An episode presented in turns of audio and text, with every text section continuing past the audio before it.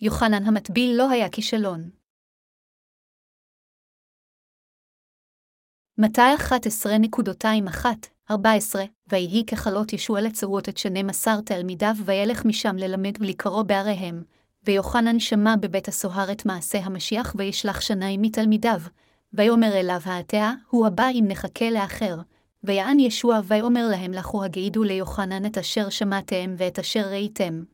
עיבורים רואים, ופיסחים מהלכים מצורעים מתוארים וחרשים שומעים, ומתים קמים ואה. מי מתבשרים, באשרי האיש אשר לא ייכשל בי. המה הלכו וישוע החל לדבר אל המון העם על האודות יוחנן ויאמר מה זה יצאתם המדברה לראות הקנה אשר היא נועה ברוח. או מה זה יצאתם לראות האיש לבוש בגדי אדנים, הנה הלבשים אדנים בבתי המלכים המהה ועתה מה זה יצאתם לראות אם לראות איש נביא, אכן אומר אני לכם אף גדול הוא מנביא. כי זהו אשר כתוב עליו, הנני שולח מלאכי לפניך ופינה דרכך לפניך. אמן אומר אני לכם לא קם בילודי אישה גדול מיוחנן המטביל והקעתון במלכות השמיים יגדל ממנו ומימי יוחנן המטביל ועד הנה מלכות השמיים נתפסה ביד חזקה והמתחזקים יחטפוה. כי חל הנביאים והתבורה עדי יוחנן ניבאו, ואם תרצו לקבל הנה הוא אליה העתיד לבוא. עלינו להבין את עבודתו של יוחנן המטביל. בדיוק איזו עבודה יוחנן המטביל הוציא לפועל לפני ישביה. נוצרים רבים היום אינם מבינים נכון את יוחנן המטביל, ולכן הם כולם צריכים להסתכל עליו שוב כדי להבין אותו ולהעריך נכון את עבודתו. לכולנו חייבת להיות הבנה נכונה והערכה ליחסים בין עבודתו של ישוע לזו של יוחנן המטביל. על ידי הבנה נכונה של יחסים אלו, עליכם להיות בעלי ניסיון ממקור ראשון בקבלת מחילת חטאיכם על ידי האמונה. בקטע כתב הקודש של היום, ישוע המשיח אמר לתלמידיו של יוחנן המטביל, לכו הגעידו ליוחנן את אשר שמעתם ואת אשר ראיתם עבורים רואים, ופיסחים מהלכים מצורעים מטוהרים וחרשים שומעים ומתים קמים ועניים מתבשרים. למעשה, העברים אשר פגשו את ישוע עיניהם נפקחו, הפסחים הצליחו לעמוד וללכת. אחוזי הדיבוק הצליחו להשתחרר מדיבוקם כאשר פגשו את ישוע, ובשורת השמיים הושמעה לעניים ברוח.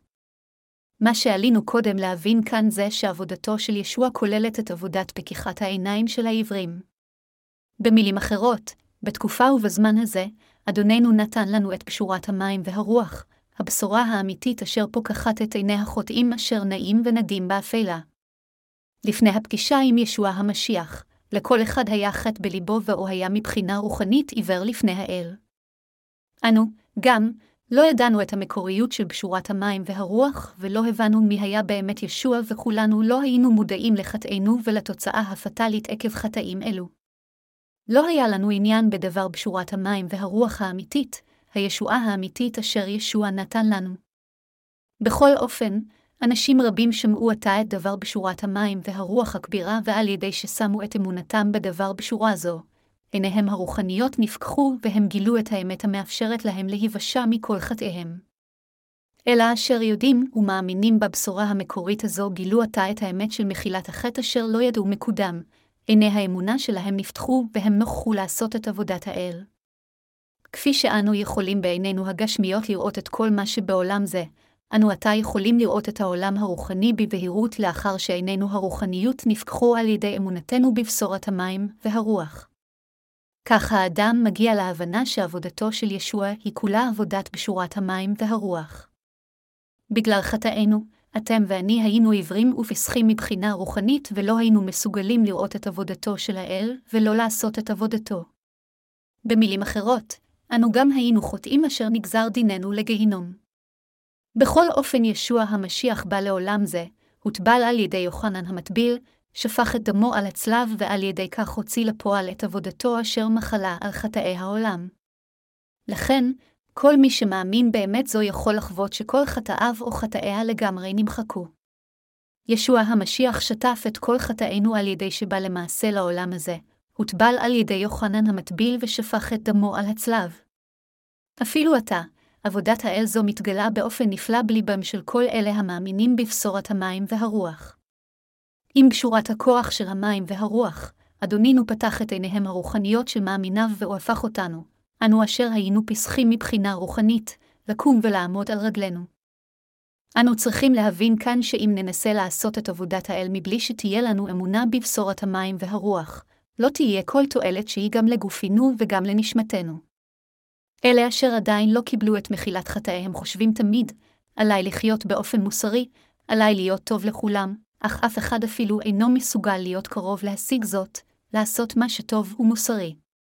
לפני שנוכחנו לדעת את בשורת המים והרוח, היה לנו חטא בלי בנו ולכן אנו כולנו היינו חוטאים וכתוצאה מכך, לא ידענו מהי עבודת הצדק של האל וגם לא ידענו לעשותה. בכל אופן, מכיוון שאדונינו קיבל את כל חטאינו אחת ולתמיד באמצעות טבילתו, ומכיוון שהוא שטף את כולם עם הדם שהוא שפך על הצלב בעוד שהוא החטיף את חטאי העולם, אנו היינו מסוגלים להישתף מכל חטאינו. מכיוון שישוע המשיח הושיע אותנו מחטאינו על ידי כוח בשורת המים, והרוח אנו מסוגלים עתה לחיות בהתאם לרצון האל. אנו מסוגלים עתה גם לאפשר לכול השאר לטעום את הכוח של בשורת אמת זו ולהיוושע. על ידי שהביא חיים חדשים באמצעות אמת הישועה לכם ולי, לנו אשר היינו פסחים מבחינה רוחנית, ישוע המשיח אפשר לנו להיוושע מכל חטאינו ומכל הקללות שלנו. מה שישוע אמר כאן, שמצורעים מטוהרים וחרשים שומעים ומתים קמים, מתרחש גם עתה בכל הלבבות שלנו המאמינים בפשורת המים והרוח. לפני כן, כאשר היינו חוטאים, היינו גם מצורעים מבחינה רוחנית. בזמנים ההם בליבנו היה בבירור חטא ולא היינו יכולים להתנקות מכל חטאינו כל עוד לא שמנו את אמונתנו בבשורת אמת זו של המים והרוח. אדונינו גם אמר שהחרשים שומעים. כאשר היינו חוטאים, לא היינו מסוגלים להבין את דבר האל אפילו כאשר שמענו אותו. אבל עתה, מכיוון שהתכסינו בבשורת הכוח של המים והרוח שמנו את אמונתנו בה, אנו יכולים להבין את דבר האל, לתפוס את המשמעות האמיתית שלו ולהאמין בה בלב שלם. כולם ברחבי כל העולם חיים עתה תחת רעב וצמאון רוחני. הם סובלים מחרשבות ומצורעות רוחנית. אך ישוע עדיין נותן להם צ'אנס להירפא אחת ולתמיד על ידי שמאפשר לנו להטיף להם על בשורת המים והרוח. עלינו לרחם עליהם. אנו צריכים לזכור שכאשר לא הכרנו את בשורת הישועה הזו, בשורת המים והרוח, לא היה לנו סיפוק כלשהו ולא יכולנו שלא לחיות עם חטאים שנשארו בליבנו. עלינו לא לשכוח את חסדו הרחום אשר הפך אותנו מחוטאים לצדיקים. כשלעצמו, מה שאדונינו אמר לתלמידי יוחנן המטביל על הנפלאות שהוא למעשה ביצע היה כדי לאפשר להם לדעת שישוע הוא בן האלוהים, המושיע האמיתי והמשיח העתיד לבוא. יש כאלה היכולים להגיד שכאשר יוחנן המטביל היה במאסר, הוא פוטה ונעשה ספקן לגבי האם ישוע הוא המשיח העתיד לבוא, וזוהי הסיבה מדוע הוא שלח את תלמידיו אל ישביה. אך זהו לחלוטין לא המקרה. מי היה יוחנן המטביל? הוא היה הגדול ביותר אשר נולד מאישה. הוא היה אפילו גדול יותר מכל משרתי האל האחרים. במילים אחרות, יוחנן המטביל לא שלח את תלמידיו אל ישוע ואמר להם לשאול אותו, האם אתה העתיד לבוא, כיוון שלא האמין בו, אלא להפך, הוא לימד עתה את תלמידיו על מנת שהם ידעו מי היה באמת ישוע. יוחנן המטביל כבר ידע והאמין שישוע היה המושיע ובן האלוהים, יותר מכך, הוא שמע את עדותו של אלוהים האב כאשר הוא הטביל את ישוע המשיח בנהר הירדן, מתי שלוש בשבע עשרה דקות, והוא בעצמו היה עד אשר העיד על ישוע. מכיוון שחלק מתלמידיו לא הכירו היטב את ישוע, יוחנן המטביל שלח אותם אל ישוע על מנת ללמדם שישוע המשיח הוא המושיע העתיד לבוא. למעשה, לאחר שיוחנן המטביל ידע שישוע המשיח היה המשיח העתיד לבוא, הוא ניסה לפרוש מתפקידו ולשלוח את תלמידיו אל ישוע. על מנת לחשוף את ישוע בפני ישראל, יוחנן אף אמר, הוא, ישוע, יגדל הלוך וגדל ואני אחסר הלוך וחסור, יוחנן שלוש שלושים. למשל אנדרי, אחיו של שמעון פטרוס, היה במובהק תלמידו של יוחנן, אך הוא הלך אחר ישביה לאחר ששמע את עדותו של יוחנן לגבי ישוע, יוחנן אחת ארבעים. אך למרות זאת, מבקריו של יוחנן המטביל אומרים כל מיני שטויות אפילו שאינם מכירים אותו וטוענים, יוחנן המטביל היה כישלון. הוא פוטה ונכשל באמונתו בישוע. אמונתו נדלה כאשר היה בבית האסורים. אך חבריי המאמינים, אסור לכם להטיל ספק באמונתו של יוחנן המטביל. ליוחנן המטביל ולישוע היו תפקידים שאת שניהם היה עליהם לבצע יחדיו בהשגחתו העליונה של אלוהים האב. התפקיד היה להטביל ולהיות מוטבל, העבודה אשר הוציאה לפועל את צדקת האל. זוהי הסיבה מדוע ישוע ויוחנן העידו זה על עבודתו של זה. מתי 11.27 אומר, המה הלכו וישוע החל לדבר אל המון העם על האודות יוחנן ויאמר מה זה יצאתם המדברה לראות הקנה אשר ינוע ברוח או מה זה יצאתם לראות האיש לבוש בגדי אדנים הנה הלבשים אדנים בבתי המלכים ממהה ועתה מה זה יצאתם לראות אם לראות איש נביא אכן אומר אני לכם אפה גדול הוא מנביא. ישוע אמר כאן, מדוע יצאתם למדבר? לראות נביא. אם כן אתם צודקים. אני אומר לכם שיוחנן המטביל הוא יותר מנביא, לאחר מכן ישוע הסביר על יוחנן המטביל כשהוא מתייחס למלאכי 3.21 בכתבי הקודש. מתי 11 ו-10 דקות הוא פסוק אשר מצטט את מלאכי 3.21. בפסוק זה, ישוע אמר, בהתייחסו לקטע הכתוב במלאכי 3.21, כי זהו אשר כתוב עליו הנני שולח מלאכי לפניך ופינה דרכך לפניך. במילים אחרות, ישוע בעצמו העיד שיוחנן המטביל היה שליח האל אשר ישלח לפני שבעה עצמו. מיהו שליח האל הכתוב במלאכי 3.21? הוא לא אחר מאשר יוחנן המטביל. מלאכי 4.25, שש גם מצביע על כך שהשיח במלאכי 3.21, הנני שולח מלאכי, מיוחס ללא אחר מאשר יוחנן המטביל. במתי 11 ו-11 דקות ישוע אמר, אמן אומר אני לכם לא קם בילודי אישה גדול מיוחנן המטביל והקעתון במלכות השמיים יגדל ממנו, מדוע אדונינו אמר לנו זאת? מדוע הוא אמר שיוחנן המטביל הוא הגדול בילודי אישה? ישוע אומר לנו כאן שיוחנן המטביל היה השליח של אלוהים אשר נובע עליו בברית הישנה, ושהוא הנציג של בני האדם. פסוק זה ממשיך עם פסקה קשה נוספת, והקעתון במלכות השמיים יגדל ממנו, על ידי פסקה זו, מורי שקר רבים שופטים את יוחנן המטביל ככישלון. הם אומרים, מכיוון שיוחנן הטיל ספק בישוע שהוא המשיח, הוא הוערך על ידי ישוע כקטן ביותר, אך אלו לחלוטין שטויות. במקום זאת, מה שישוע למעשה אומר כאן שלמרות שיוחנן המטביל היה נציגם של בני האדם, אם מדברים מבחינה רוחנית, הוא היה קטן יותר ולא ניתן להשוואתו לאלה אשר הופכים לילדי האל. במילים אחרות, למרות שיוחנן המטביל היה נציגם של כל בני האדם מבחינה גשמית, הוא לא יכול להיות שווה לנולדים מחדש. למעשה, יוחנן היה הגדול ביותר מנקודת מבט אנושית. הוא גדל כנזיר וחי חיי סגפנות במדבר כשהוא אוכל חגבים ודבש. מנקודת מבט של צדיקות אנושית, הוא ללא ספק היה הגדול מכולם.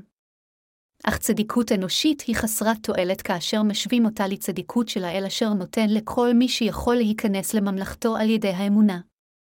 ומכיוון שאלה אשר הפכו לאנשי מלכות האלוהים על ידי האמונה בפשורת המים והרוח קיבלו את צדקת האלוהים, הם גדולים יותר מכל אחר אשר מסתמך על צדיקותו העצמית. האדם יכול להפוך לנציג בני האדם עלי אדמות מבחינה גשמית, אך הוא קטן יתור מאלה אשר הפכו לאנשי האל על ידי האמונה בבשורת המים והרוח.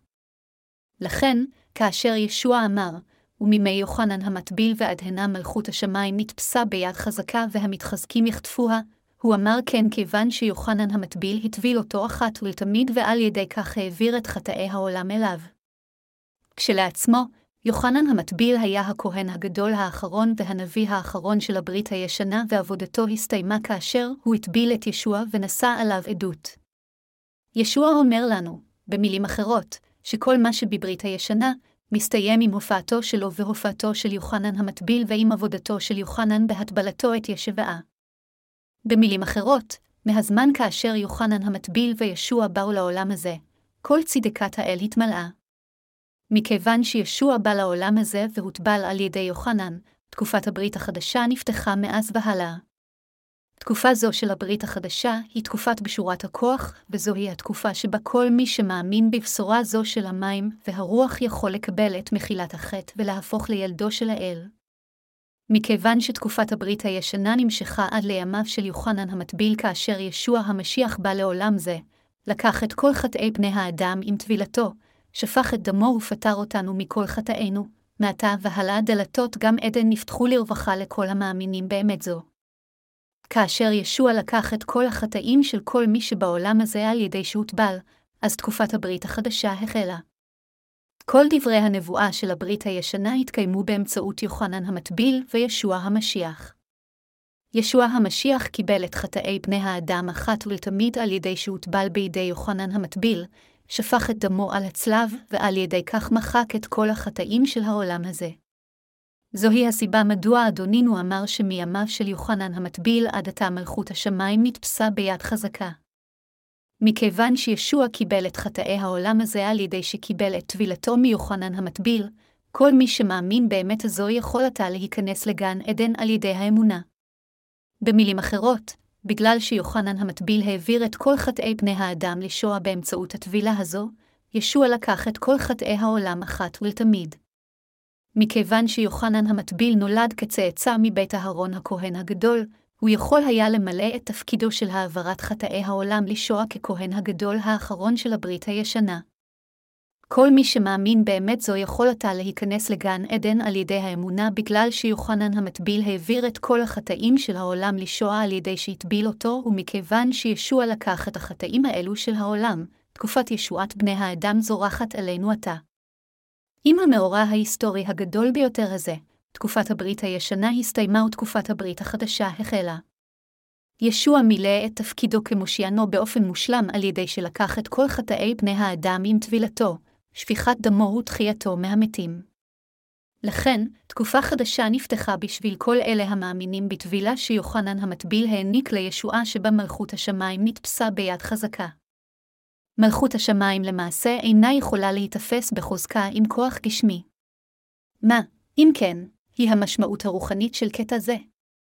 המשמעות היא זו, ישוע מספר לנו על מסתורי גן עדן, שמכיוון שהוא קיבל את כל חטאי העולם הזה כאשר יוחנן המטביל הטביל אותו והוא בתורו קיבל את הטבילה, ומכיוון שהוא נצלב, שפך את דמו וקם לתחייה מהמתים, כל אחד יכול להפוך את גן העדן לשלו על ידי האמונה בבשורה זו.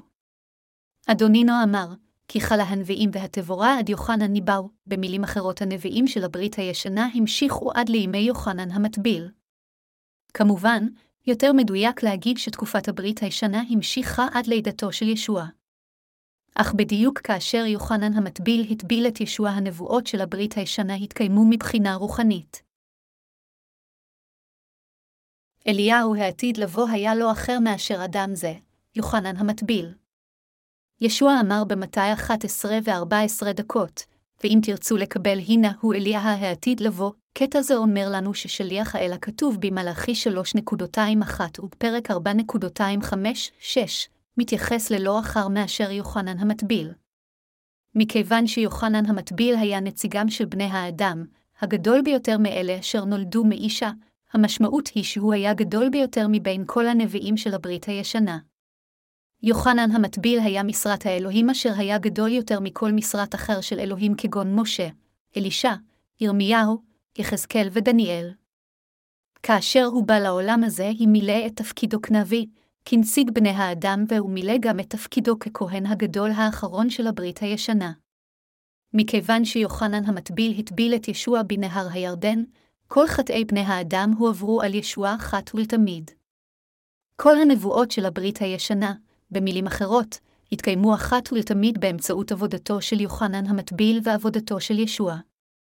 לכן, כולנו חייבים להבין ולהאמין שהתפקיד של יוחנן המטביל היה הכרחי לחלוטין לעבודת הישועה של האנושות.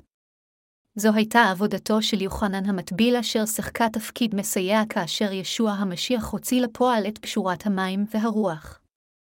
כולנו חייבים להבין שעל ידי קבלת הטבילה מיוחנן המטביל ישוע הוציא לפועל את הנבואות של הברית הישנה. בכל מה שנוגע להשגחתו של האל בשועת בני האדם, אנו כולנו חייבים לדעת ולהאמין ללא יוצא מהכלל עד כמה עמוקה אמת זו.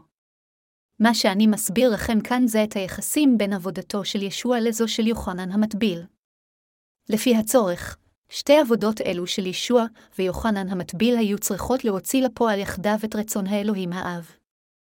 אם יוחנן המטביל לא היה מעיד על ישוע כמושיע, ואם לא היה מעביר את חטאי העולם אליו על ידי הטבלתו אותו, ישוע לא היה יכול לעשות את עבודתו אשר צריכה למחוק את כל חטאי העולם. מכיוון שיוחנן העיד על ישבעה כשהאלוהים הנשא חטאת העולם, אנו יכולנו להיוושע מחטאינו על ידי האמונה בכך. בצורה כזו אתם ואני יכולנו להתנקות מכל חטאינו היום על ידי הפקדת אמונתנו בבשורת המים והרוח. אנו יכולים להאמין לחלוטין בבשורה האמיתית כאשר אנו מאמינים לחלוטין בפסוק של כתבי הקודש המתאר מיהו יוחנן המטביל. כדי לעשות כן, עלינו לפתוח את התנ"ך במלאכי 3.21, לאשר את הפסוק הזה בעינינו ואז להאמין ששליח האל הזה היה לא אחר מאשר יוחנן המטביל. רק אז נוכל גם בביטחון ללמד ולהסביר את עבודתו של יוחנן המטביל ושל ישוע כאשר נעיד על בשורת הכוח של המים והרוח לאחרים. מלאכי 3.21 אומר, הנה שולח מלאכי, ופינה הדרך לפניי, ופתאום יבוא אליך לא האדון אשר אתם מבקשים, ומלאך הברית אשר אתם חפצים מנהבה, אמר יהבה צבאות, מיהו המלאך בפסוק זה? יהא צבאות אמר כאן שהוא ישלח את משרתו לעולם הזה, ובמתי 11 ועשר דקות בברית החדשה ישוע בעצמו נשא עדות על פסוק זה של הברית הישנה. כאשר אנו משווים שני פסוקים אלו אחד עם השני, אנו יכולים לראות בבירור ששליח האל הוא לא אחר מאשר יוחנן המטביל אשר ישוע בעצמו העיד עליו. מי אנו חושבים שהיה יוחנן המטביל?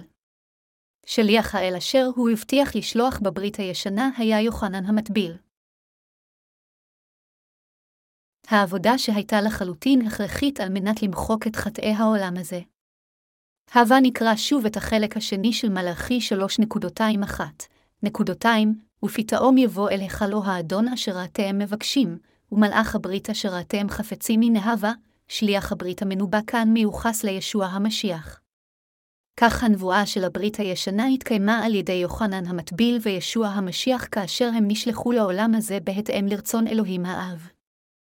קטע זה קשור לנבואה נוספת אשר אומרת, הנה העלמה, הרב ויולדת בן, וקראת שמו עמנואל, ישעיהו שבע וארבע עשרה דקות. במקום אחר בישעיהו 53.25 כתוב, והוא מחולל מפשענו, מדוכא מעוונותינו, מוסר שלומנו עליו, ובחבורת בו נרפא לנו, זה אומר לנו שישוע המשיח, בן האלוהים הובטח בברית הישנה שהוא יבוא לעולם הזה וינקה את כל החטאים של בני האדם כשלג אשר ילבין. אלוהים המשיך להגיד במלאכי 3.22, 3, ומי מכלכל את יום בו, ומי העומד בהראותו, כי הוא כאש מצרף, וכבורית מכבסים וישב מצרף ומטהר כסף, וטיהרת בני לוי וזיקח אותם, כזהב וככסף, והיו להבה, מגישי מנחה בצדקה. דיוק כפי שהאל הבטיח לנו בקטע זה, וטיהרת בני לוי וזיקח אותם, כזהב וככסף, והיו להבה, מגישי מנחה בצדקה, דבר ההבטחה הזה התקיים למעשה. בברית החדשה, כאשר ישוע לקח את כל חטאי העולם הזה על ידי שהוטבל בידי יוחנן המטביל ושפך את דמו, הוא ביצע את ישועתנו מכל החטאים. קטע זה מספר על הכוח של מחילת כל חטאי פני האדם, אשר למעשה ישוע המשיח הוציא לפועל על ידי שהוטבל בידי יוחנן המטביל ושפך את דמו. אלוהים אמר במלאכי 3.22, ומי מכלכל את יום בו, ומי העומד בהראותו, מי יכול לעמוד נגד ישבעה המשיח כאשר הוא בא לעולם הזה? מי יכול היה למנוע ממנו לעשות את עבודתו אשר מחלה על כל חטאי בני האדם על ידי שבא לעולם זה, הוטבל בידי יוחנן ושפך את דמו? ברגע שהאנשים תפסו את ישוע וניסו להורגו על ידי דחיפתו מהצוק, הוא עשה את דרכו בכבוד כשהוא עובר בתווך. לוקס 4.228-30 עלינו להכיר בו כאלוהים המפואר בעצמו. אדונינו לקח את חטאינו אחת ולתמיד על ידי פשורת הכוח של המים והרוח, מחק את כולם עם הכוח של בשורה זו באמצעות צליבתו, ויחזור שוב לקחת את אלה המאמינים בכך. מי מבין הלא מאמינים, אם כן, יכול לעמוד לפני האל ביום הדין הזה? כתוב, ומי העומד בהראותו? רק אלה אשר קיבלו את מחילת חטאיהם על ידי האמונה בבשורת המים והרוח יכולים לעמוד לפניו. אף אחד אחר אינו יכול לעמוד לפניו. אם נעמוד לפני ישבעה המשיח ביום הזה כאשר כל חטאינו נשארים בנו, אנו נושמד. מלאכי 3.22 אומר, כי יהו כאש מצרף, וכיבורית מכבסים, מי זקן הוא? זה ישוע המשיח המושיע היחידי אשר מחק את חטאי בני האדם כאש מצרף וכבורית מחבשים. פסקה זו מנבאת, במילים אחרות, שישוע המשיח ישטוף את חטאי כולם על ידי שיוטבל ושהוא ינקה את לב כולם על ידי שישפוך את דמו. חבריי המאמינים, כאשר אדונינו בא לעולם הזה, הוא לקח את כל חטאי בני האדם אחת ולתמיד על ידי שקיבל את הטבילה מיוחנן המטביל. הוא נשא חטאים אלו של העולם אל הצלב, נצלב, מת על הצלב, קם לתחייה מהמתים ועל ידי כך הושיע אותנו מחטאי העולם ומהדין שלהם. כך ישוע המשיח מחק את חטאי כולם. ישוע הוא המושיע אשר שטף כסבון כביסה את חטאי כולם המאמינים באלוהים. בדיוק כפי שהבגדים שלנו נקיים לגמרי כאשר אנו שוטפים אותם עם סבון, כל מי שמאמין בכוח בשורת המים והרוח יכול לשטוף את כל חטאיו, ויכול להשתחרר מכל ההרשאות על החטא. כל מי שמאמין בבשורת המים והרוח יימחל מכל חטאיו באופן מושלם. אך למרות זאת, בנוצרים רבים עדיין יש חטא בלי בם, אף על פי שהם מתיימרים להאמין בשוע המשיח כמושיעם כיוון שאינם מכירים את בשורת הכוח של המים והרוח. לא כל גושי הזהב בעולם הזה הם זהב טהור. כדי להפכם למאה אחוז זהב טהור צריך קודם לזקקם. כדי לעשות כן, צריך לשים את גושי הזהב בחבשן כשהוא מוכח מחום של אש עצומה מתחתיו. כאשר הגוש נמס לגמרי, כל הזוהמה עולה למעלה. רק כאשר מסירים זוהמה זו עם כלים מתאימים אז הגוש הופך לזהב טהור, אם הזוהמה לא מוסרת, אז זהו אינו זהב טהור. באותו אופן, בדיוק כפי שגוש הזהב הזה עובר תהליך זיקוק אשר מסיר את כל הזוהמה, מכיוון שישוע המשיח לקח את כל חטאי העולם על ידי שהוטבל בידי יוחנן ושפך את דמו למעננו, כל חטאי העולם נמחקו לגמרי. על ידי האמונה בבשורת המים והרוח כל חטאי כולנו יכולים להימחק. מלאכי 3.23 ממשיך להגיד, וישב מצרף ומטהר כסף, וטיהר את בני לוי וזיכח אותם, כזהב וככסף, והיו להבה, מגישי מנחה בצדקה, זה אומר לנו שישוע טיהר את בני לוי מחטאיהם. אם מדברים מבחינה רוחנית, בני לוי כאן הם הקדושים המאמינים בבשורת המים והרוח. בני ישראל היו מורכבים משנים עשר שבטים. ליעקב היו שנים עשר בנים והצאצאים של בנים אלו הרכיבו את שנים עשר השבטים של ישראל. מבין השבטים האלה נבחרו במיוחד צאצאי לוי כדי לשאת את אלוהים ככהנים אשר הקדישו את עצמם לגמרי לתפקיד במשכן. כך רק צאצאים אלה של לוי יכלו להיות כהנים לפני האל. אלוהים קודם ניקה את חטאיהם באמצעות מערכת הקורבנות במשכן. באותו אופן, גם בימים אלו, אלוהים אפשר למאמיניו לשרת אותו קודם על ידי שטיפת כל חטאיהם מליבם בעזרת פשורת הכוח של המים והרוח כפי שזהב מזוקק וכמו שבגדים הנשטפים עם סבון הופכים ללבנים לגמרי.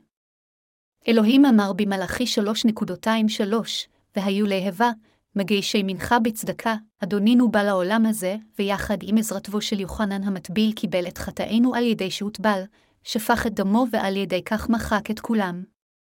יוחנן המטביל העביר את חטאי כל האנשים ישוע בבת אחת על ידי שהטביל אותו, וישוע המשיח, על ידי שקיבל חטאים אלו אחת ולתמיד כשקיבל את הטבילה מיוחנן המטביל, מת על הצלב וקם לתחייה מהמתים שטף באופן מושלם את כל חטאי בני האדם.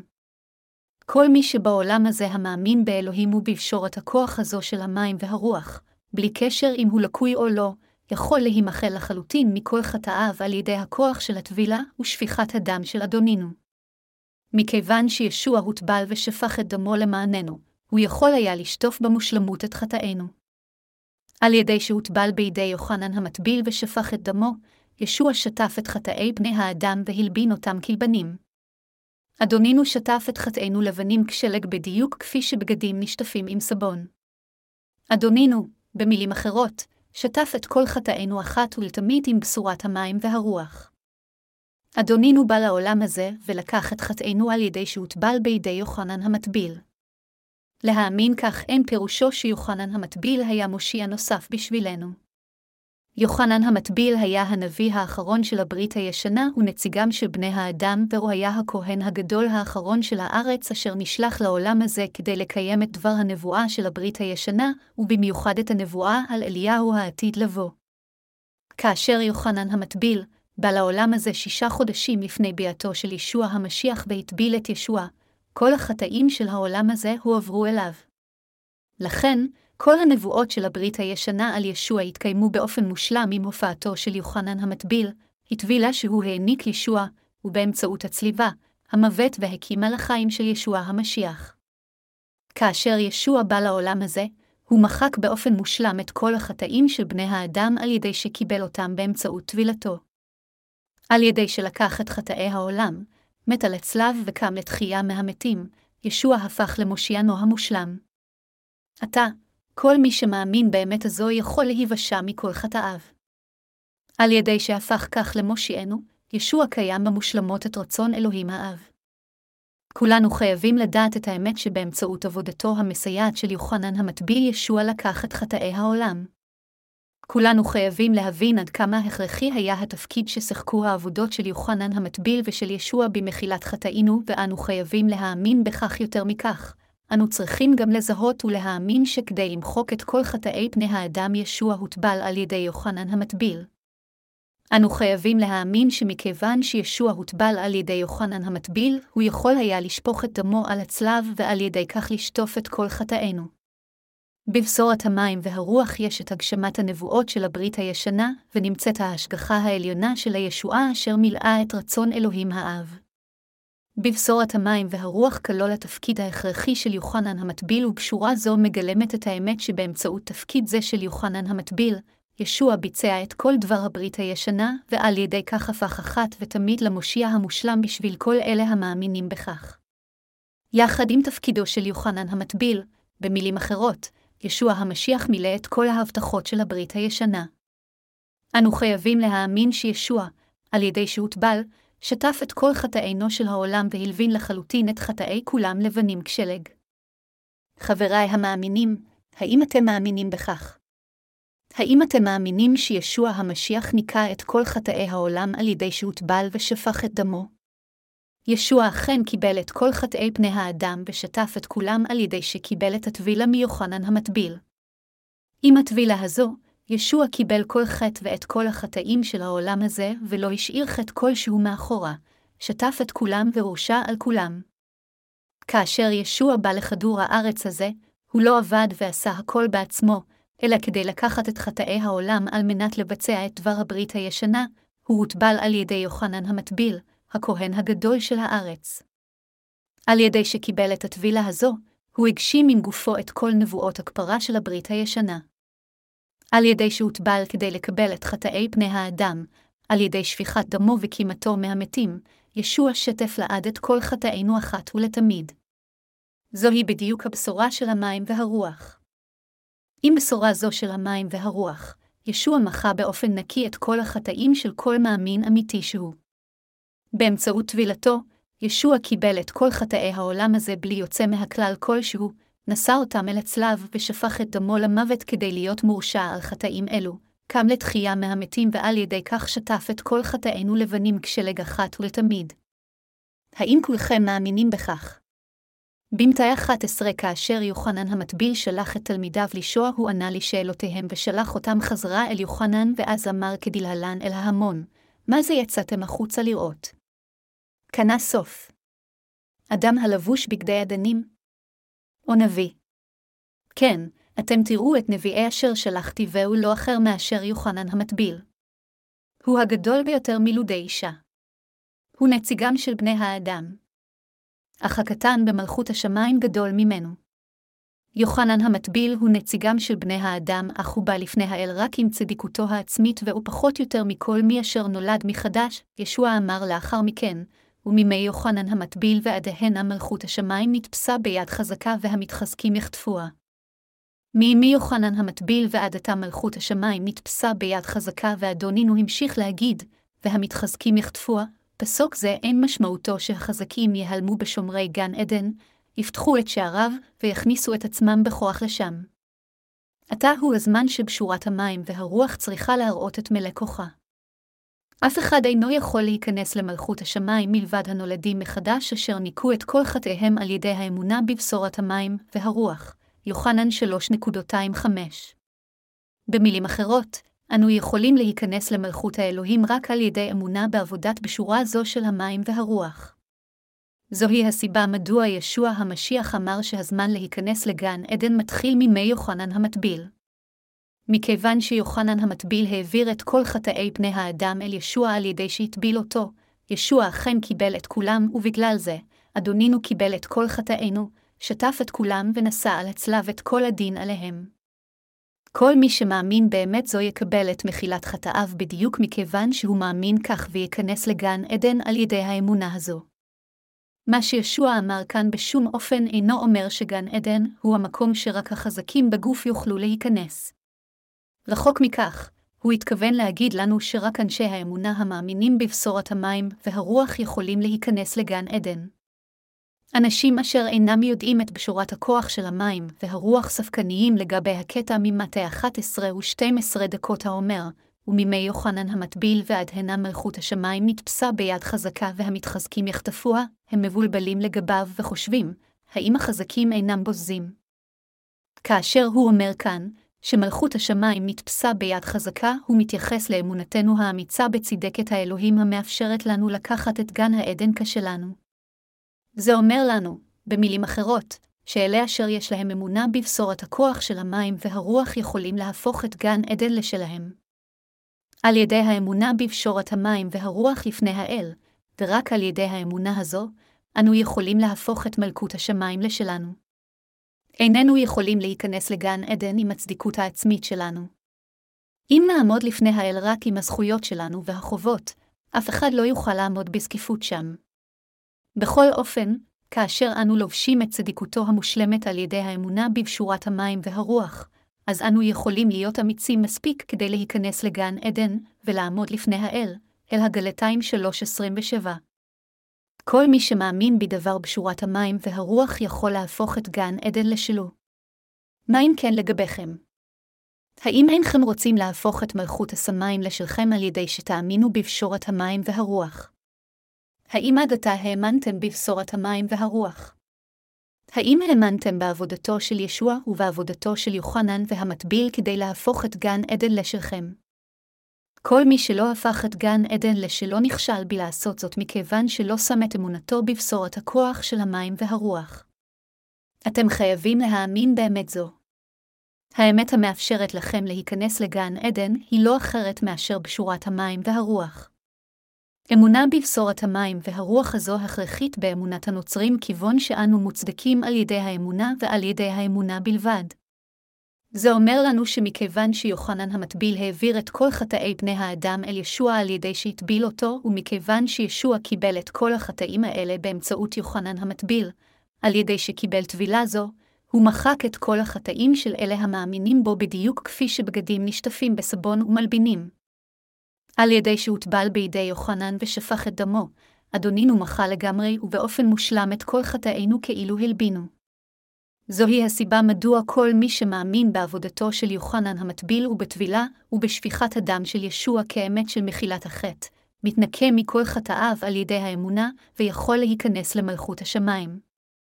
מלכות השמיים הזו שייכת לחזקים באמונה, אלה בעלי האמונה האמיצה. מחילת החטא מתקבלת באמצעות אמונה בבשורת המים והרוח. אנו יכולים להיכנס לגן עדן על ידי האמונה שישוע הוא האל בעצמו, שהוא האלוהים אשר יצר אותנו, שהוא מושיענו ושהוא לחלוטין ובאופן מושלם מחק את כל חטאינו על ידי שהוטבל. על ידי האמונה בבשורת המים והרוח אנו הופכים לילדי האל וכפי חטא. ישוע ויוחנן המטביל הם אלה אשר עשו את זה לאפשרי מבחינתנו להיכנס למלכות השמיים על ידי האמונה. האם אתם מאמינים בכך? אלה אשר יש להם התחת בליבם זה בגלל שאין להם אמונה בבשורת המים והרוח, ובגלל זה הם נשארים חוטאים. בדרך כלל הם לא רק מסרבים לדעת את בשורת המים והרוח, אלא הם גם דוחים את קיום חשיבותו של יוחנן המטביל. עלינו להבין כאן שהכישלון להכיר את יוחנן המטביל אשר עבד עם ישוע כדי להעביר את חטאינו אליו, או להחשיב אותו ככישלון זה למעשה אותו דבר כמו להתכחש ישוע ולדחות את ישועתו.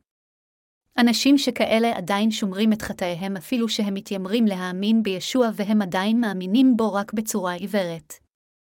חוטאים אלה אשר ליבם עדיין נשאר חוטא מאמינים בהתאם למחשבותיהם הסובייקטיביות, וזוהי הסיבה מדוע ליבם עדיין לא התנקה ומדוע הם ממשיכים להיאבק בחטאיהם.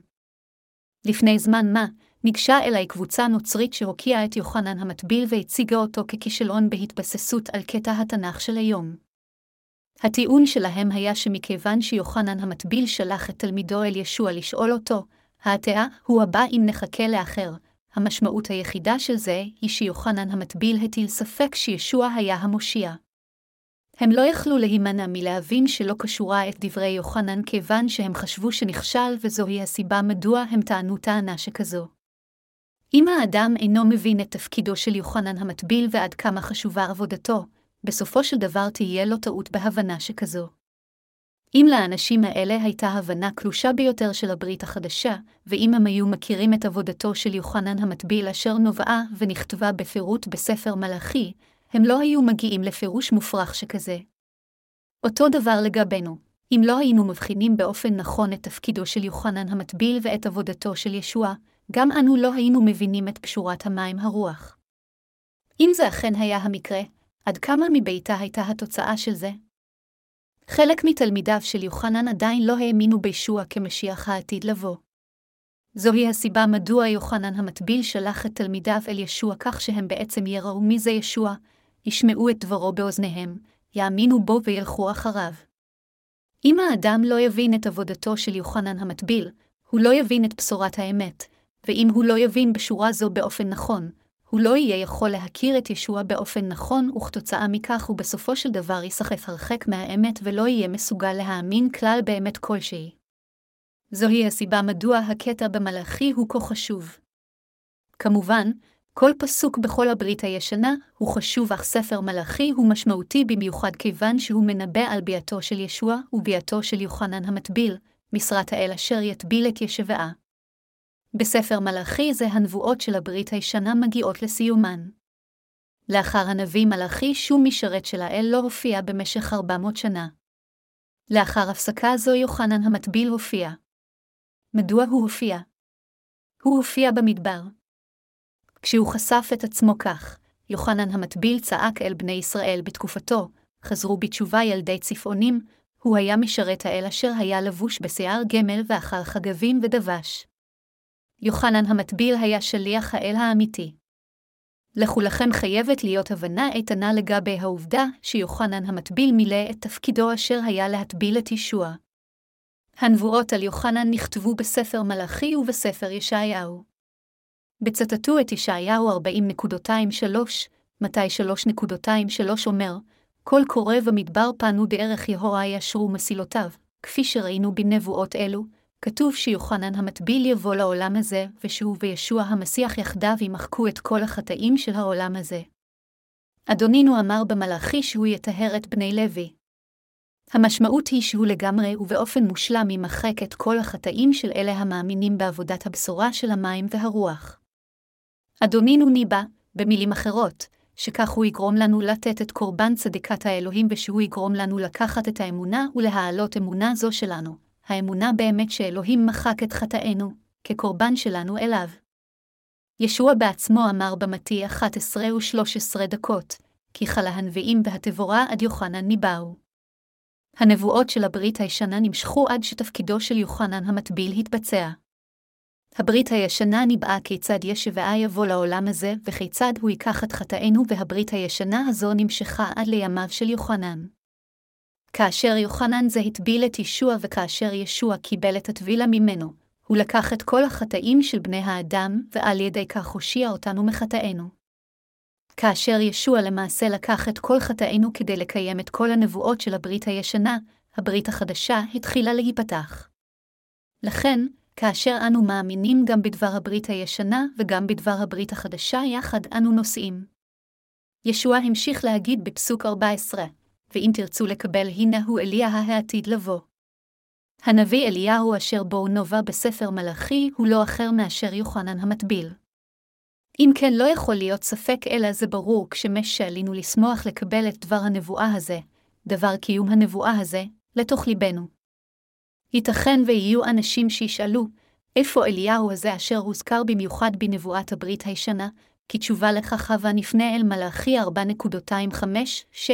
הנה אנוכי שולח לכם, את אליה הנביא, לפני, בו יום יהבה, הגדול והנורא והשיב לבאבות על בנים, ולב בנים על אבותם, פן אבוא והכיתי את הארץ חרם. מלאכי 4.25-6 כאשר נאמר כאן, לפני, בו יום יהבה, הגדול והנורא, המשמעות היא לפני ההגעה של יום הדין, אלוהים אמר כאן שהוא ישלח את אליהו לפני שמגיע יום הדין, ובמתי 11 ו-14 דקות. מצד שני, ישוע אמר, ואם תרצו לקבל הנה הוא אליה העתיד לבוא, שני הפסוקים מדברים בדיוק על אותו אליהו העתיד לבוא. אם כן, מי זה, הוא, אשר ישוע דיבר עליו? זה בוודאות יוחנן המטביל.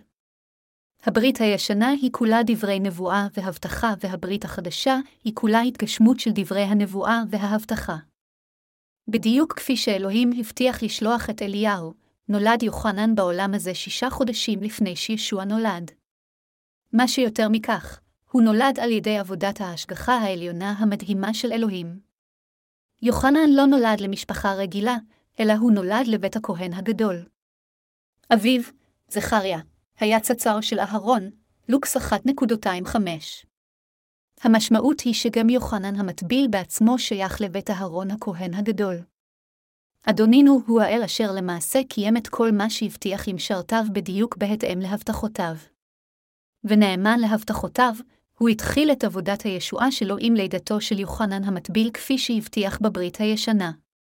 בספר ויקרא בברית הישנה, אלוהים הבטיח לבני ישראל שהוא ימחל על אבנותיהם כאשר הכהן הגדול יעביר את חטאיהם על חיית הקורבן על ידי סמיכת ידיו על ראשה, שחיטת קרונה, הוצאת דמה, מריחת דמה על קרנות המזבח של קורבן העולה ושפיכתו על הקרקע.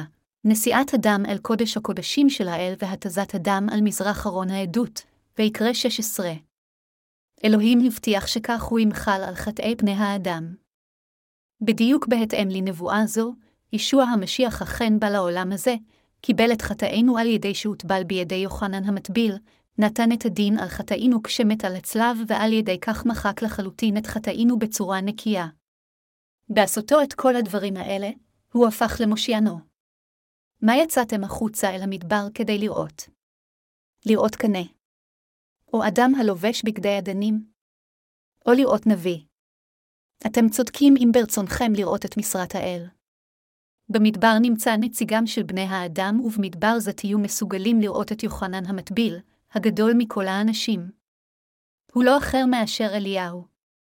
הבטחתי לשלוח לכם את משרתי אליהו, ואליהו זהו יוחנן המטביל. זהו יוחנן המטביל אשר מבצע את תפקיד אליהו.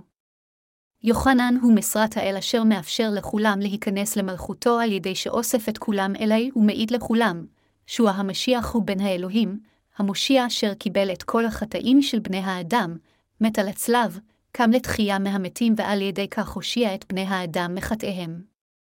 הוא משיח. כאשר יוחנן המטביל בא לעולם הזה, הוא ביצע שתי עבודות חשובות, הוא העביר את חטאינו אל ישוע המשיח והוא נשא עדות על המושיע. עד כמה מדהימות עבודות אלו. באמצעות עזרתו של יוחנן המטביל, ישוע היה מסוגל לקיים את דבר ההבטחה. אנו יכולים להבין עתה שבאמצעות יוחנן המטביל ישוע קיים את כל דברי הברית הישנה, שעדותו של יוחנן מאשרת כיצד ישביה יכול לקיים את כל דברי הברית הישנה הזו, ושאלוהים בחנות השלים את ישועתנו באמצעות עבודתם של ישוע ויוחנן המטביל. באמצעות יוחנן המטביל, אנו יכולים להבין שהוא וישוע ביצעו את הבטחת האל. האם אתם מאמינים בכך? זוהי הסיבה מדוע כאשר אנו דורשים על בשורת המים, והרוח איננו יכולים להשאיר בחוץ את תפקידו של יוחנן המטביל. אם מישהו אומר שיוחנן המטביל היה כישלון או ממעיט בחשיבותו, אז הוא לא ממשרתי האל ולא אחד מאנשיו. חבריי המאמינים, על ידי שהוטבל ושפך את דמו, ישוע מחק בצורה נקייה את כל חטאינו. אתם בוודאי יודעים כולכם מה המשמעות של הלבנה במיוחד אם אתן נשים. כאשר אתן מכבסות, מה קורה כאשר אתן משתמשות במלבין כדי לשטוף את בגדיכם? הם הופכים ללבנים. זה מה שנקרא הלבנה. בקוריאה הטרום-מודרנית, אנשים השתמשו בבורית על מנת לכבס בגדים מוכתמים מאוד.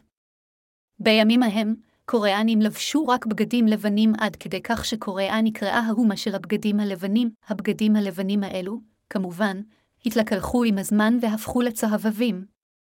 אז שמו את הבגדים האלה בתוך סיר ענק עם בורית כמלבין והרתיחו אותם.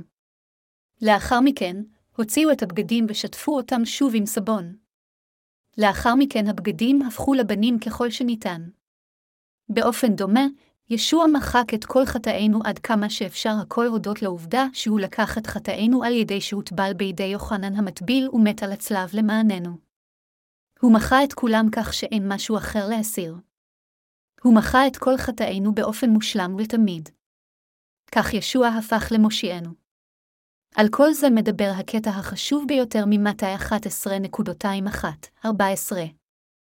כאשר אנו למעשה מעידים על הבשורה על נשמות אחרות, אנו לפעמים עוברים ברפרוף על קטע זה בצורה שטחית, אך אני מאמין שחייבת להיות לכם הבנה מפורטת על קטע זה שאמונתכם תתחזק אף יותר בליבכם. אמונה זו שיש לכם ולי היא באמת יקרת ערך. זה לא רק מספר מועט של אנשים במספר ארצות אשר נולדו מחדש שוב באמצעות דבר האל הזה. ישנן נשמות רבות בכל רחבי העולם אשר קיבלו את מחילת חטאיהם על ידי האמונה בבשורת המים והרוח. כל האנשים האלה ואנו קיבלנו את מחילת החטאים על ידי האמונה בעבודותיו של יוחנן המטביל וישוע.